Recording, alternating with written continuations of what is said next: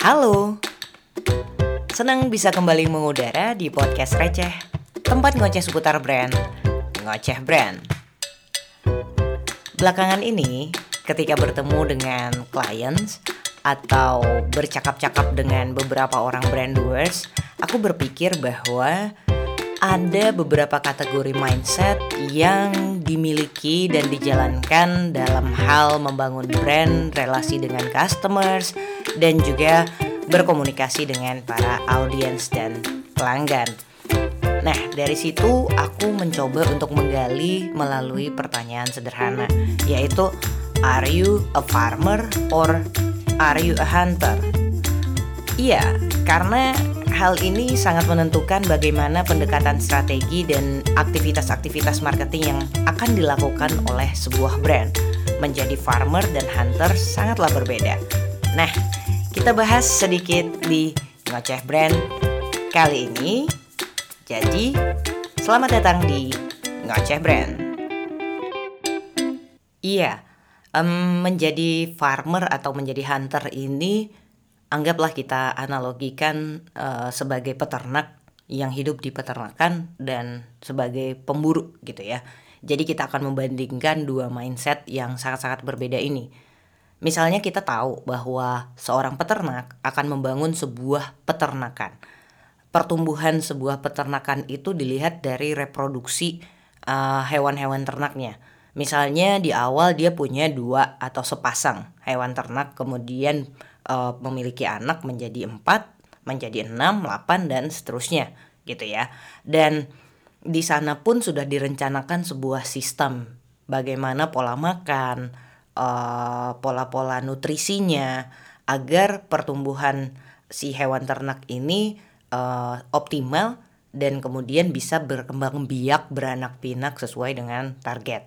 Nah dari situ barulah anggap misalnya sapi gitu apakah sapi ini nanti ditujukan untuk menjadi sapi perah, maka eh, yang diperah adalah susu murninya. Maka dari sekian banyak hewan ternak yang ada di situ akan menghasilkan eh, pertumbuhan lagi dari volume susu yang bisa dihasilkan setiap harinya. Kemudian juga ada hewan-hewan yang sudah uzur atau sudah sudah tidak produktif lagi, maka itu nanti sudah ada uh, alokasinya sendiri gitu. Apakah akan dijadikan uh, konsumsi atau yang lainnya seperti itu. Nah berbeda sekali dengan seorang hunter atau seorang pemburu. Kalau berburu ini proses berkembang biaknya hewan-hewan buruan tersebut sudah dilakukan di alamnya sendiri gitu secara natural di nature-nya. Nah, kemudian populasi-populasi dari hewan-hewan buruan ini mungkin tidak terukur uh, karena diserahkan secara alamiah di alam liar gitu ya. Nah kemudian ketika dibutuhkan barulah si pemburu ini mempelajari karakter-karakter kebiasaan dari hewan buruan ini, kemudian menyiapkan alat-alat dan uh, strategi yang lengkap gitu ya, agar pada suatu ketika dibutuhkan uh, akan bisa langsung berburu, siap sedia gitu, bisa langsung ditangkap. Biasanya kan e, kalau ternak tadi itu e, bisa dikembangkan misalnya dari susu, dari daging, dari segala macamnya gitu. Nah, sementara kalau buruan ini biasanya udah orientasinya ke dagingnya gitu ya. Sama-sama sapi nih, misalnya satu sapi liar, satu sapi di peternakan. Nah, mindset-mindset ini ternyata juga berlaku atau bisa kita analogikan uh, ke dalam mindset kita dalam membangun dan menurture relasi dengan customers atau audiensnya kita ketika kita uh, bertindak sebagai brand owners gitu ya. Tidak ada yang salah dari keduanya karena pada akhirnya target kita adalah mendapatkan uh, apa ya bisa menggali keuntungan dan profit dari apa yang sudah kita lakukan dan dipersiapkan. Nah ini terjadi perbedaan dua strategi dan taktik kemudian juga berpengaruh kepada kalau dalam konteks brand itu aktivitas-aktivitas marketing yang akan dilakukan dan juga strategi-strategi yang akan dipersiapkan baik jangka pendek, jangka menengah maupun jangka panjang. Nah, kira-kira nih kamu sendiri adalah seorang farmer atau seorang hunter? Kita akan bahas sedikit bagaimana perbedaan keduanya ketika diimplementasikan ke dalam proses pembangunan dan pengelolaan brand, terutama dalam marketing dan sales. Oke, perbedaan mendasar yang terlihat antara brand doers dengan mindset sebagai farmers dengan brand doers yang punya mindset sebagai hunters itu adalah Salah satunya dari cara menercer relasi atau mendapatkan market baru atau audience baru. Biasanya kalau yang farmers itu mengandalkan betul existing customers. Bagi si farmers gitu, dia memperternakkan si audiensnya. Lagi berternak nih. Uh, artinya itu dari existing audiensnya dia akan menggali power dari sana untuk mendapatkan audience-audience baru mungkin lebih kurang seperti snowball effects. Bagaimana caranya menercer relasi, kemudian si audiens-audiens yang ada ini uh, dibentuk menjadi agent untuk bisa mengembangkan lagi atau mendapatkan audiens-audiens baru atau target market baru. Nah, dari sini nih kita bisa lihat bahwa snowball effect tadi itu akan berasa. Jadi volume-volume pembengkakan atau pembesaran dari snowballnya tadi itu adalah uh, salah satu indikator yang kita bisa lihat dari keberhasilan strategi menurture relasi tersebut. Nah, sedikit berbeda dengan yang punya mindset hunter. Kalau hunter ini menurture relasinya itu sama, tetap di relasinya, tetapi untuk mendapatkan audiens atau target market baru itu dilakukan dengan cara hunting gitu. Jadi mendapatkan lagi yang baru itu hunting melalui berbagai aktivitas-aktivitas misalnya advertising, internet marketing, promosi dan lain sebagainya.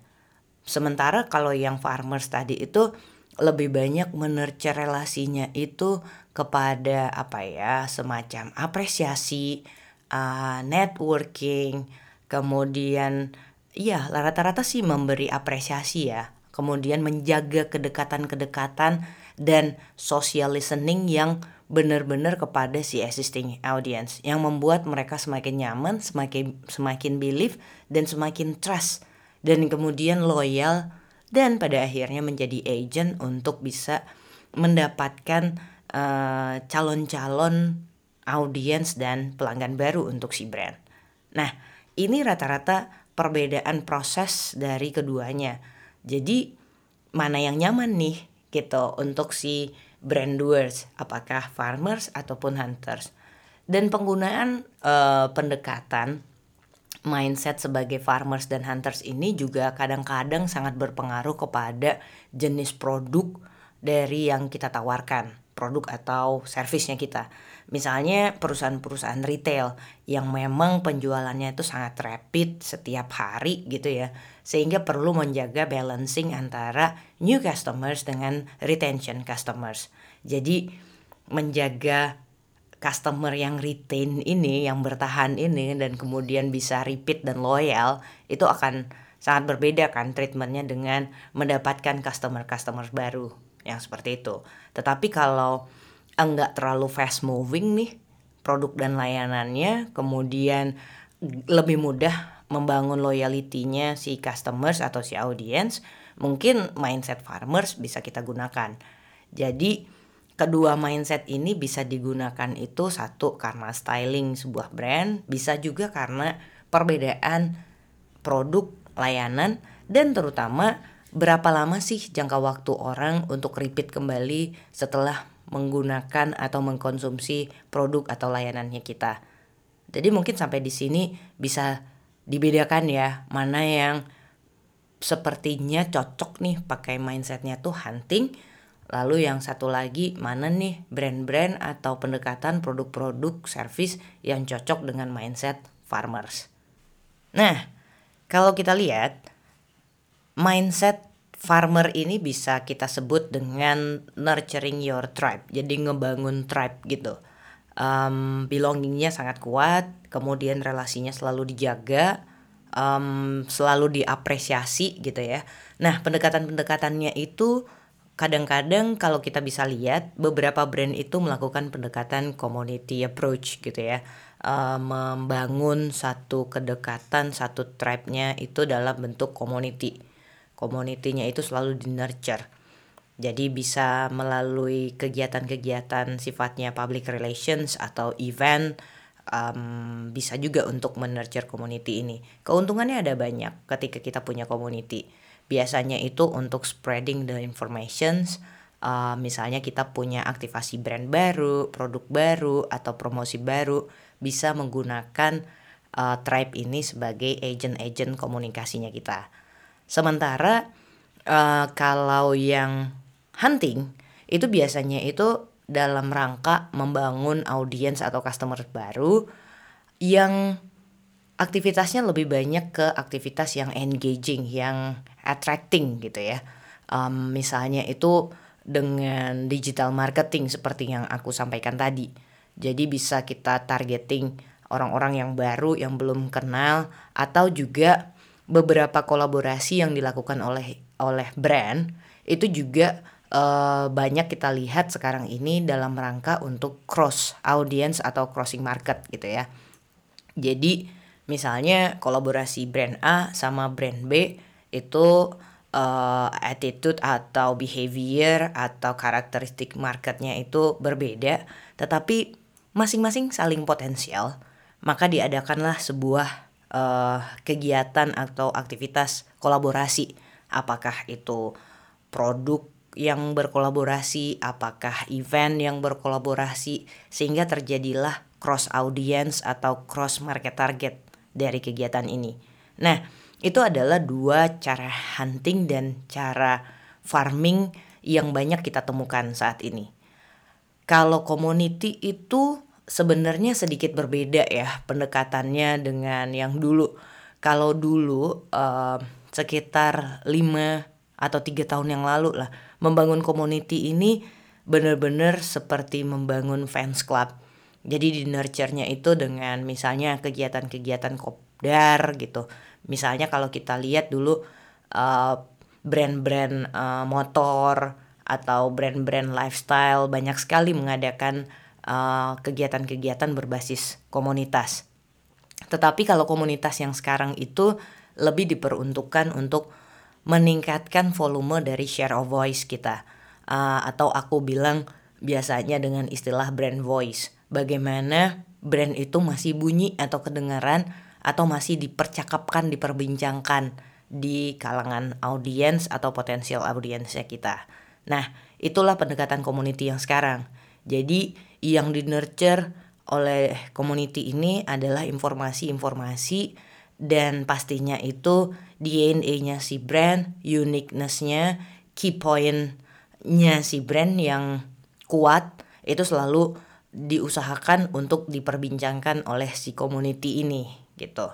Nah, sementara kalau kita lagi crossing audience dalam rangka uh, menghunting audience baru atau market baru, itu kita mendeliver lebih banyak ke profile, strong point dari si brandnya kita agar bisa uh, membangun impresi yang positif, kemudian membangun semacam apa ya awareness atau engagement baru dengan orang-orang yang mungkin kita target totally baru.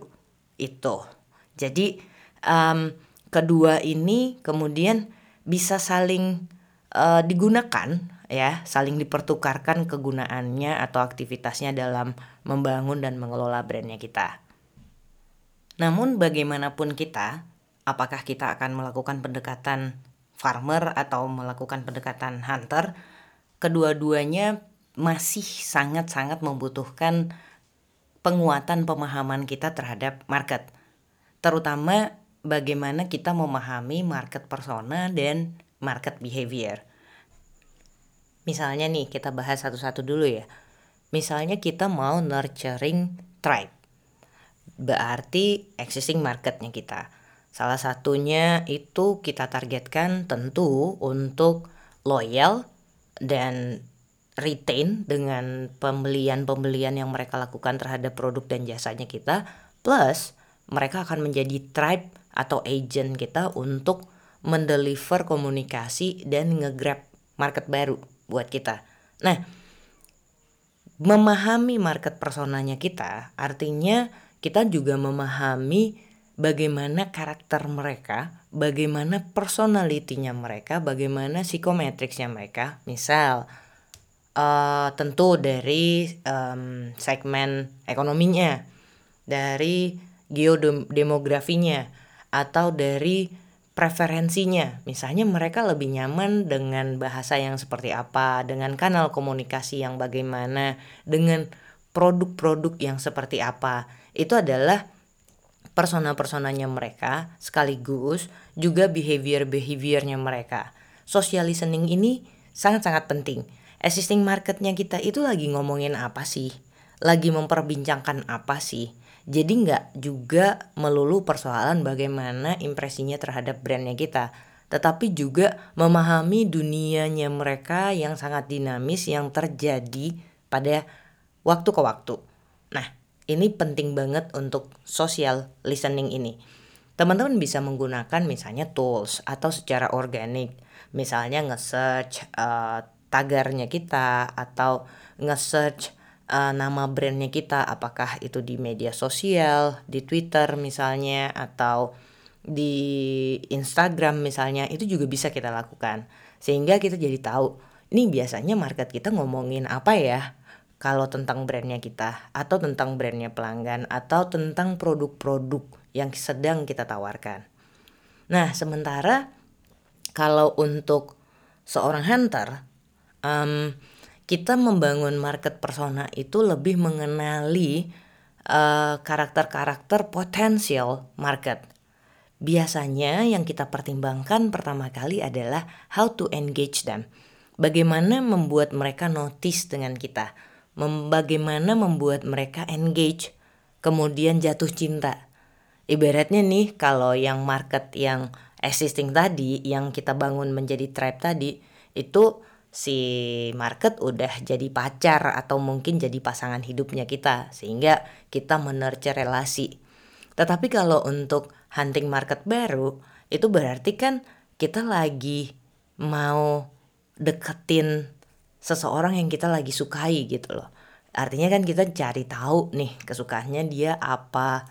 Biasanya tempat nongkrongnya dia, artinya kanalnya dia ada di mana.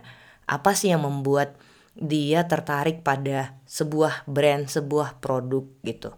Nah, social listening ini sangat-sangat menjadi kunci atau social listening ini justru menjadi kunci utama kalau menurutku. Apakah untuk hunting atau farming si market ini, nurturing tribe atau hunting the new audience or the new market. Strateginya ada macam-macam, seperti yang aku bilang tadi. Oke, okay. Kayaknya itu ya yang lebih kurang aku ingin sampaikan unek-unekku sebenarnya. Udah beberapa lama kepikiran eh kayaknya iya ya. Uh, ada ya yang mindsetnya itu hunter ada yang mindsetnya itu farmer. Tetapi um, bagaimanapun bisa digunakan salah satunya, bisa digunakan dua-duanya. Dan menurutku ini adalah sebuah pendekatan-pendekatan yang apa ya, bukan untuk membuat kaku, tetapi lebih kepada bagaimana kita tahu objektif kita. Kita itu pada halaman yang mana nih sekarang? Kita itu lagi hunting, berarti kita menjadi hunter. Berarti ini yang kita buru nih di alam liar sehingga kita tahu betul dari mana dan strategi seperti apa kita bisa menangkap dan kemudian kalau yang farmer kita tahu nih ini ada di peternakan bagaimana kebiasaannya nutrisinya apa yang harus dipenuhi. Iya paling itu ya yang pengen aku sampaikan ke teman-teman semuanya um, agar kita jadi tahu bahwa ada loh yang kita itu berperan sebagai farmer yaitu nurturing our tribe sehingga banyak apresiasi yang harus kita lakukan yang kita berikan kepada existing audience kita. Memahami persona itu penting memahami behavior itu penting. Kemudian kita juga tahu bahwa ada kalanya kita menjadi hunter yaitu hunting the beast ya from the wild gitu kan. Jadi kita juga harus tahu bagaimana behavior dan lain sebagainya. Oke okay.